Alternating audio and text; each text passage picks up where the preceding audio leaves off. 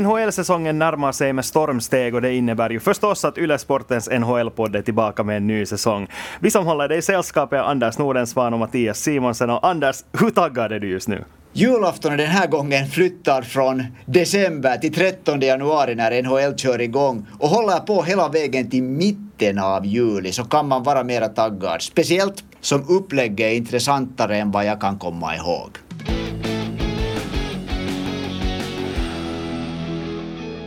Ja, grundserien den kör igång den 13 januari och den här gången varar den bara i 56 omgångar. Och den absolut största tillfälliga förändringen är ändå den nya divisionsindelningen och den här tänkte jag, Anders att vi skulle kunna ta en närmare titt på. Eh, uh, NHL har alltså tvingats göra om divisionerna främst på grund av att de kanadensiska och amerikanska coronarestriktionerna skiljer sig så mycket från varandra, vilket i sin tur innebär att alla kanadensiska lag måste spela i samma division och inte möta andra lag, vilket ju i rättvisans namn har lett till att alla divisioner endast spelar sinsemellan i grundserien. Och Anders, vi vet hur mycket du gillar kanadensisk hockey, så det här måste ju vara någonting som du ser väldigt mycket fram emot. Absolut. Det här betyder ju faktiskt, det när vi går tillräckligt långt framåt i tiden, att det kommer att finnas ett kanadensiskt lag bland de fyra bästa, det vill säga i NHL-semifinalerna. Det kommer vi säkert senast, senare till. Men de här lagen som nu spelar mot varandra hela tiden, alltså tänk på det här spänningen. Det blir Toronto mot Montreal, det blir Calgary mot Edmonton, det blir eh, Winnipeg mot Edmonton. Det blir, det blir liksom helt härliga matcher varje omgång i den divisionen så blir det antagonism. Det blir liksom verkligen, verkligen, verkligen upp till kamp. Jag är taggad. Ja, helt som du nämner, så Battle of Alberta mellan Edmonton och Calgary, de har varit upphausade matcher än de här tidigare säsongerna. Så tänk, tänk nu det här, när de möter varandra till och med nio eller tio gånger under grundseriens gång, hur mycket rivalitet det hinner födas där under. Men eh, vad tror du att det innebär för de här lagen nu? Du, du nämnde det här att, eh, att det är eh, åtminstone ett kanadensiskt lag som kommer att gå till konferensfinal. För det här upplägget är ju nu så att det är fyra lag från varje division som går till slutspel. Sen möts de sinsemellan i de två första omgångarna. Så ett kanadensiskt lag kommer per definition att finnas i konferensfinalen. Men som du säger, så det här är så annorlunda. Man vet på pappret ungefär hur det ser ut. Man vet att Toronto ska vara starka. Man vet att Vancouver har varit bra förra säsongen. Winnipeg borde också ha en chans att hävda sig här. Men är det så lätt att säga just på grund av att det kommer att bli så heta matcher? det är på, på något sätt en, en, en öppen division skulle jag nog säga. Jag tycker att man kan se de liksom starkaste lagen. Alltså det, det, på pappret så ser det ut som Toronto skulle vara etta.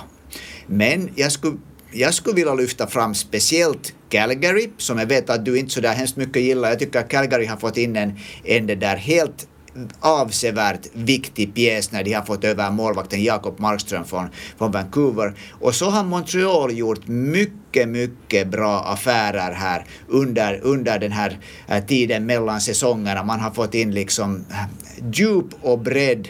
Så jag på något sätt förväntar mig att eh, de här tre lagen Toronto, Montreal och Calgary ska göra upp om vem som tar hem den här divisionen. Men är det så att du inte riktigt har samma åsikt? Nej, det är nu som jag ska avslöja att jag bara har ett av de där lagen att gå vidare i mina papper och det är Toronto. Calgary, jag, jag, jag ogillar inte dem. Jag tycker att de är överskattade varje år. Jag tycker att man på något sätt bygger upp en hype kring den här unga stommen som jo, levererar ibland, men jag tror inte att det kommer att räcka i sådana här matcher där det kommer att bli så otroligt hett. Det kommer att kräva en sån här viss vinnarmentalitet äh, som jag tycker att har saknats i Calgary de här senaste åren. Att, att det blir liksom slutspelshockey redan i grundserien och då tror jag inte att de kommer att klara sig. Toronto tror jag att har den som krävs för att klara serien där. Montreal lite si och så. De andra lagen som jag istället just skulle lyfta fram är de som jag nämnde här tidigare. Vancouver som har visat att de har kapacitet att gå långt. Uh, Winnipeg har fått in Paul Stastny, får antagligen spela tillsammans med Patrick Laine. Hittar de samma harmoni som de hade tidigare då när Stastny spelade där innan han drog över till, till Vegas Golden Knights så kan de också gå långt. Det, det är kanske de här tre lagen som jag då främst skulle lyfta fram. Och så ska man inte underskatta Edmonton heller. Jesse Puljujärvi är tillbaka. Lyckas han få visa att han är värd rollen som ytter bredvid Connor McDavid och faktiskt prestera där så får de in en väldigt viktig pjäs som kan hjälpa dem gå långt också. Så vem vet, alltså, men som sagt den här, den här divisionen är väldigt svår att sia i. Ja, alltså, det ska ju bli hyperintressant att se nu hur Patrik Laine och Paul Stasny går ihop. Winnipeg ser jag lite som, som jag tycker att fortfarande eh, backtruppen ser tunn ut. Jag, på något sätt tycker jag att det inte ser riktigt övertygande ut. Och så är de fruktansvärt beroende av att Connor Helleback hålls uh, kry. För om, om han inte spelar så blir det, blir det ett ordentligt steg neråt för Winnipeg. Det är intressant att vi, vi har snackat länge före Edmonton kom upp här och då har ju Edmonton ändå kanske två av världens fem bästa ishockeyanfallare mm, äh, i, mm. i, i, sin uppställning och ändå är det någonting med vad, vad, vad, vad är det med Edmonton? Varför känns det inte som ett lag som, som är balanserat och bra? Jag tror att det är samma sak som gäller för Calgary. Det, det, finns inte bevis på att det här är ett lag som kan vinna viktiga matcher. Det, här, det finns inte någonting som talar för att det här är ett lag som borde gå långt. Man vet att talangen finns, men den där sista biten har inte ännu fallit på sin plats och frågan är väl nu om den kan göra det i, i den här divisionen. Men kanske nog talat om den kanadensiska divisionen. Det, det, finns ju många andra lag som spelar i NHL också. Och den här nya divisionsindelningen innebär ju att de andra divisionerna också ser väldigt annorlunda ut än vad de vanligtvis gör. För vissa lag innebär det här att man möter klart lättare lag än man annars skulle göra. Och två av de här som jag tycker att vi ska lyfta fram, så det är Colorado Avalanche och St. Louis Blues. De borde ha spelat i en central division som är ganska högklassig, men nu i och med den här nya omdelningen så spelar de i den nya West-divisionen, där de undviker lag som Dallas och Nashville och istället ställs mot bottenlag som no, i princip alla från Kalifornien. I väster är det ju helt såklart att det är Colorado, Vegas och St. Louis som kommer att vara i en klass för sig. Eller håller du med?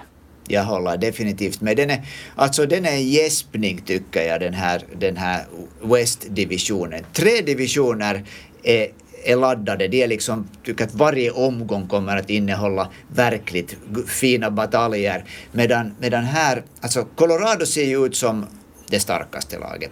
Och, och kan, kan ju kanske liksom spara sig lite för playoff om det går som man väntar sig att Colorados, Colorados liksom spel äh, ska räcka till för att åtminstone då vara bland de fyra bästa men antagligen ta hem den här. St. Louis har tycker jag gjort nog ganska bra, ganska bra grejer här på senaste tiden. Eh, det är att Mike Hoffman, en målskytt som spelade förra säsongen i Florida, nu har skrivit på för St. Louis åtminstone för, för det där, den här säsongen. Så tycker jag hämta en sån där pjäs in där som kan vara jätteviktig. Och, och så jag skulle, jag skulle nog säga också att uh, Colorado, St. Louis, Vegas och sen uh, ja, Minnesota är kanske det fjärde laget där som, som kan ta sig till slutspel. Mm, ja, jag ska med att jag har Arizona som fjärde lag. Jag tycker mm. att de mm. har visat på något sätt att de alltid lyckas tänja sig när det behövs. Och det tror jag att räcker i en sån här division där resten av lagen är ganska dåliga. Det kan nog alltså, ja. Arizona, Minnesota är, är det där, skulle jag också säga, fjärde, femte. Men sen känns det ju som du sa att de här äh, Kalifornienlagen så det är nog långt efter. Om San Jose då kanske lite bättre än de här två övriga. Men sen finns det två divisioner kvar. Det finns Central och det finns East, östkustdivisionen som vi fast kan kalla det. Och de är ju minst lika jämna som den här kanadensiska divisionen. Inte bara för att det finns den här rivaliteten där, utan för de här lagen faktiskt är väldigt, väldigt jämnstarka. Här känns det nästan omöjligt att försöka plocka fram fyra lag som ska gå vidare. Alltså speciellt East, om vi tar East först, så där, jag tänker potentiella äh, vinnare av den divisionen. Washington, Boston, nu har man lyft hemskt mycket New York Rangers i Nordamerika. Jag tror att New York Rangers kanske inte riktigt ännu är tillräckligt rutinerade, men bra är de. Jag, jag tycker att liksom, uh, Washington och Boston ser kanske lite, lite bättre ut, men sen har vi Philadelphia som, som många redan förra året väntade gå långt, som kanske lite sen floppa i slutspelet.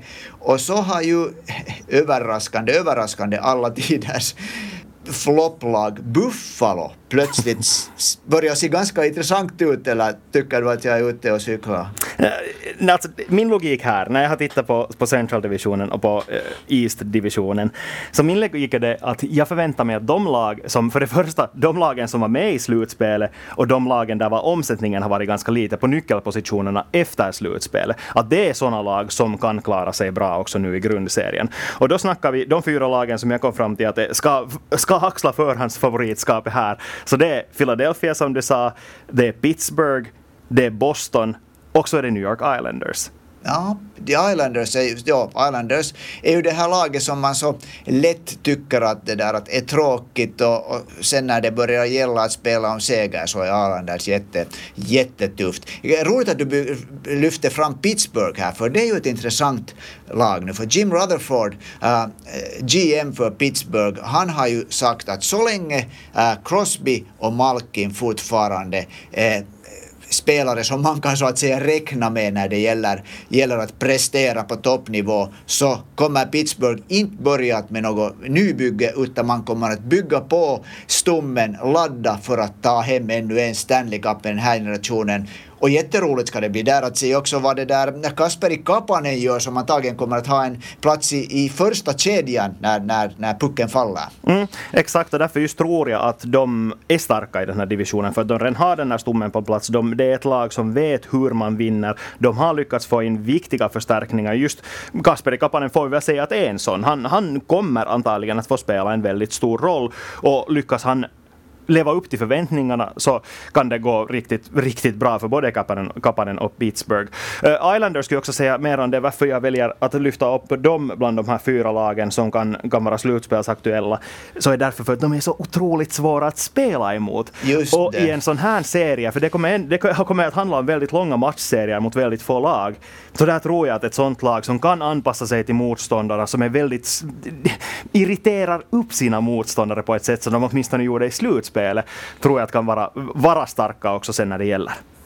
Ja, och jag håller med om det där. Men vad säger du om Rangers nu? De har, Rangers har ju väldigt intressanta spelare. De har Artemi Panarin som många tycker att, att skulle ha till och med kunnat ta hem uh, Hart Trophy förra säsongen. Så har de nu då unga stjärnor. De har Mika Zibanejad som har stigit till en av de bästa centrarna i, i hela ligan. Och nu är det tiden efter Henrik Lundqvist helt tydligt. Nu är det ingen diskussion om det mer, han är inte mera med i organisationen.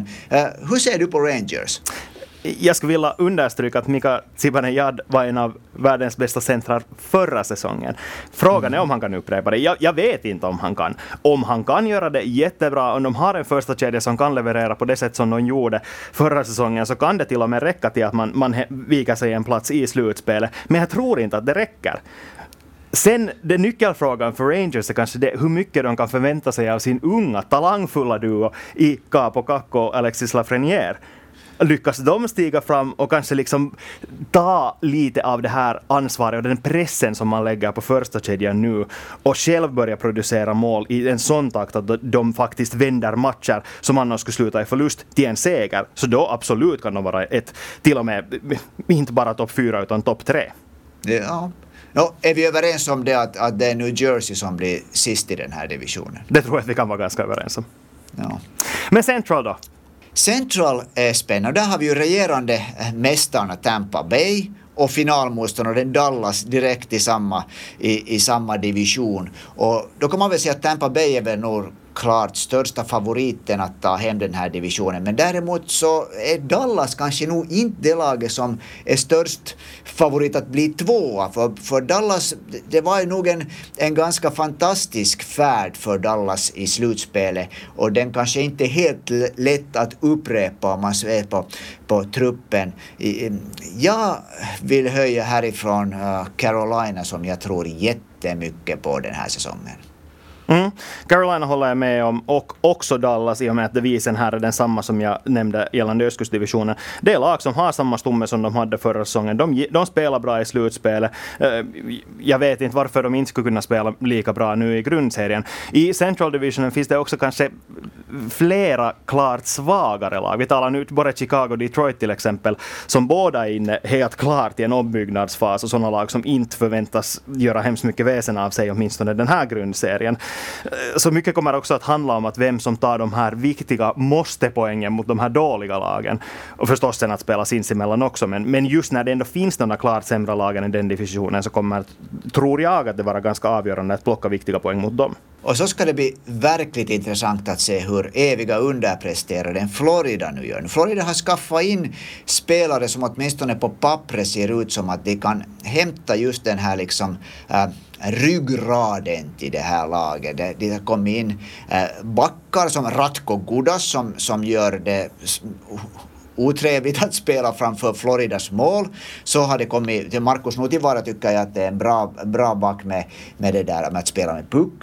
Så har det, så har det kommit in anfallare också som, som kan spela ett, ett tvåvägsspel och så har de då Hubert då Alexander Barkov på topp där och om bara målvakten Sergej Bobrovski kan nå den nivå som man eh, har väntat av honom, eller, eller ens nära, så ska nog Florida vara med på riktigt och tampas om en slutspelsplats, en plats bland de fyra bästa. Nej, jag håller med om att de kan vara med och tampas, men jag tror inte att det räcker till. Den här divisionen är så pass tuff.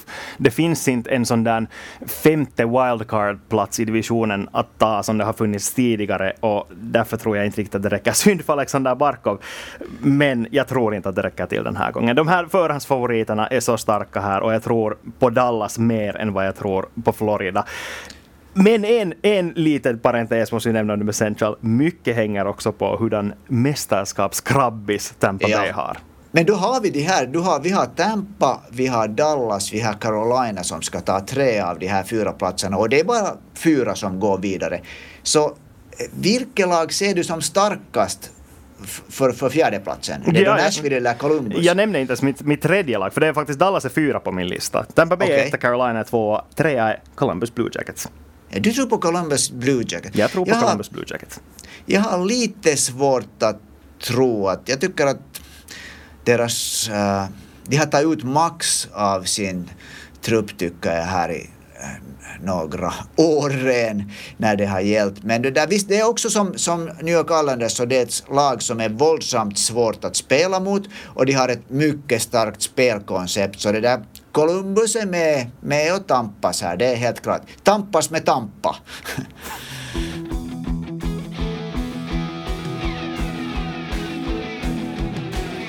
Träningslägren har redan kört igång och samtidigt är det många finländare som försöker knipa en plats i NHL-trupperna. Eh, det som vi ska ta upp direkt är ju förstås det att vi kan slå fast att det är många finländare som under den här säsongen kommer att få en chans eh, då ordinarie spelare hamnar i karantän eller till och med smittas av covid-19. Det hoppas vi förstås inte att hända, men det har vi redan fått se under NFL-säsongen framförallt att, att det högst antagligen kommer att dyka upp situationer där var stora delar till och med av lag hamnar i karantän. Så chansen är väldigt stor för att också lite mindre kända finländska namn kommer att få spela NHL-hockey under säsongen. Men trots det här så finns det redan nu många som försöker vika sig en ordinarie plats i truppen om vi kan säga så.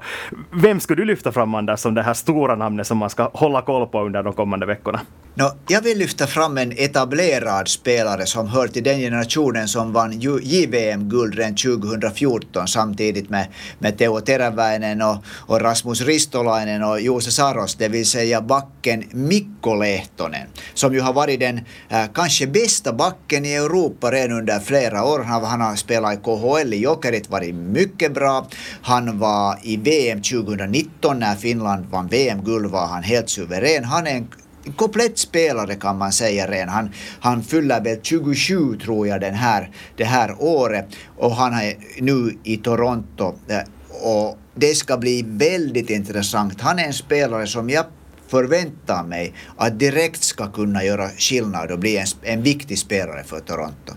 Och det verkar ju klubbledningen också ha märkt i och med de här senaste uppgifterna. Vi har ju väldigt knapphändig information att tillgå nu i nuläget eftersom de bara har hållit träningsläger i några dagar när vi bandar in det här. Men så som det ser ut nu kommer Mikko Lehtonen åtminstone inledningsvis att spela i det tredje backparet i, i Toronto Maple Leafs, vilket då tyder på att han håller på att knipa en plats i NHL-laget. Uh, eh, vad tror du, hurdan roll skulle han passa i där i Toronto? Är det, är det, är det tillräckligt med, med att spela i tredje par eller skulle han behöva mera istid än så? Eller skulle han förtjäna mera istid än så, ska vi kanske formulera det.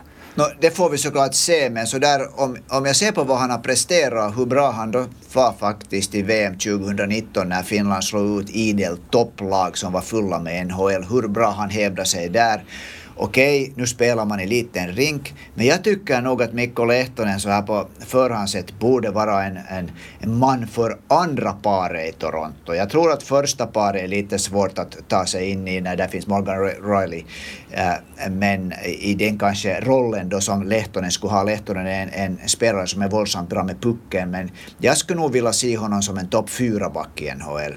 Mm. Men som sagt, det är en, en omställning från de europeiska rinkarna till NHL. Så det ska bli, han måste bevisa att han hör hemma där, men jag har jättehöga förväntningar på honom. Han är en komplett spelare tycker jag. Om vi fortsätter med backar så är en spelare som jag har höga förväntningar på Ville Heinola. JVM Aktuell har gjort väldigt, väldigt väl, väl ifrån sig i juniorlejonen och vi ska väl börja med att understryka att det inte ens är bekräftat om han kommer att delta i träningslägret eftersom junior-VM fortfarande är igång. Men Jesus, se nu bara på hur han har spelat för juniorlejonen. Han har ju dominerat där på den där nivån och det är det vad man förväntar sig av sådana spelare som håller NHL-nivå, att när de spelar med spelare i samma åldersklass så ska de stå ut och det har Ville Heinola faktiskt gjort. Och inte bara det, utan han är en spelartyp som Winnipeg saknar. En sån som de har ett skriande behov av. De behöver en offensiv back, någon som kan anföra spelet med puck. Och det är ju precis det vad han är. Så det var han minst, allra minst förtjänar är en ordentlig chans att visa vad han går för i ett lag som faktiskt har ett behov för den typen av spelare. Eller håller du med? Jag håller definitivt med. Jag menar att han var ju redan på hösten 2019 när han spelade för Winnipeg så gjorde han nästan en poäng per match när han var där. Han var jättebra, han är över ett år äldre nu. Han har visat att han har gått framåt. Så nu tycker jag nog att det, det krävs av Winnipeg, att, av, av coachen där, att de liksom ger honom chansen. Tror på att precis som unga amerikanska och kanadensiska backar kan komma in och direkt äh, ta en plats, eller varför inte Miro Heiskanen, så tycker jag att Ville Heinola, speciellt i Winnipeg, Winnipegs mycket mediokra backtrupp ska få en chans att spela spela sånt spel som han är. Han är inte en, en, en back som ska vara den som liksom har otroligt stort sån här försvarsansvar på det sättet fast han är back. Han ska vara en back som får föra spelet, hämta upp pucken men samtidigt kan han ju spela försvar också. Det har vi fått se, inte minst här nu juniorlejonen och under hans tid i Lukko i FM-ligan, att han inte bara är den här offensiva, eh, offensivt viktiga pjäsen, utan också en som tar ansvar hemåt. Han kan spela bort anfallare i den egna änden, även om det inte är hans största styrka. Eh, men du nämnde Mikko Lehtonen. Jag skulle också vilja lyfta fram en annan Jokerit-spelare, Eli Tolvaren. Vad är dina spontana tankar kring honom? Jag är nog ganska pessimistisk gällande Tolvanen. Jag, jag, jag tycker att hans skridskoåkning inte riktigt räcker för NHL. Mm. Och jag tycker att det är så intressant på något sätt att ha följt med det här snacket kring tolvan just för att eh, om vi tar ännu för några veckor sedan så kändes det som att hans plats i NHL-truppen redan var spikad. Nashville saknar anfallspjäser till och med i toppkedjorna, men sen plötsligt signar de både Mikael Granlund och Erik Haula, så frågan är ju om inte de här finländska veteranerna kommer förstöra tolvanens chanser att ta en plats. Det är ju självklart upp till tolvanen själv att övertyga klubbledningen om han ska ha en plats i NHL-truppen, men alltså jag håller med, han, han spelar så ärligt talat inte tillräckligt bra ut i Jokerit. Han har fått spela i KHL hela hösten men inte, han har inte varit så bländande bra som en spelare av topp NHL-nivå ska vara. Så eh, jag tror att han har väldigt mycket att bevisa under träningslägret nu trots att uh, general managern, klubbchefen i Nashville har sagt i intervjuer att de tycker att hans spel ser mycket mognare ut, han ser mycket bättre ut på isen nu. Men jag har bara svårt att hålla med. Förstås måste han ju säga det nästan. Han, eh, det hör ju till att man hyllar sina egna spelare som håller till utomlands och ändå gör helt okej okay ifrån sig. Men ja, jag vet inte. Men jag måste säga, han får mer än gärna bevisa att jag har fel. Definitivt, definitivt. Men det ni ser att han spelar sin mognad så hans styrka är ju att han kan göra mål. Han är inte stor, han är inte stark, han är inte speciellt bra på att åka skridsko, han har ett bra spelöga. Så han måste producera poäng, annars är han en ganska värdelös spelare för ett NHL-lag. En spelare som vi också gick in på lite tidigare, men som vi kanske ändå måste snacka lite mer om, så det är ju förstås Jesse Puljujärvi. Den, eh, äh, det stora framtidsnamnet ännu för fyra år sedan, äh, vars första session i Edmonton Oilers blev något av en flopp. Sen några år i Kärpät och nu tycker jag då NHL-laget att han är redo att försöka ta sig en plats. Men vad tycker du? Tror du att han är redo att faktiskt axla den där stora rollen som att till och med spela ytter till Connor McDavid? Alltså jag brukar ju alltid ha en åsikt om allt som gäller ishockey som du väl vet. Men jag vet inte. Jag, har inte alltså jag förstår mig inte riktigt på Puljujärvi. Jag trodde hemskt mycket på honom ännu för ett par år sedan. Eh, jag tycker att han liksom, det sägs att han har gått mycket framåt i Kärpät.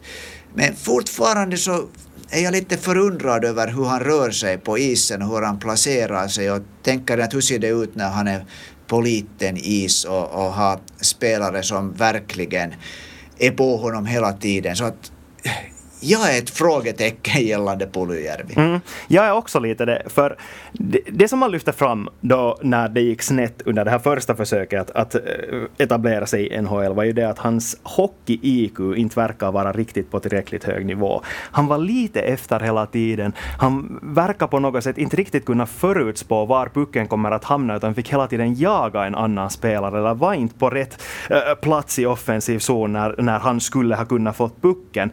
Och det är på något sätt det här som är svårt, så svårt att mäta i ishockeyligan där var nivåskillnaderna ändå är så väldigt mycket stora. För vi tänker att han lyckades spela genom juniorer, junioråren på pur talang. Och det har han antagligen också kunnat göra på, en annan, på ett annat sätt i ishockeyligan än vad han kommer att kunna göra, göra i NHL. Men en väldigt viktig indikator på att det åtminstone ser positivt ut är att i den här Edmonton Oilers, klubbens egna första rapport från träningslägret, så nämndes det att Jesse Puljärvis leende är tillbaka. Och om han ja, faktiskt det... kommer till Edmonton och har hittat spelglädjen och håller den där, den där genuina glädjen som fick hela det finska folket att förälska sig i honom, så då tror jag faktiskt att det till och med kan gå vägen det är såklart jätteviktigt att ha det där självförtroendet, den där spelglädjen.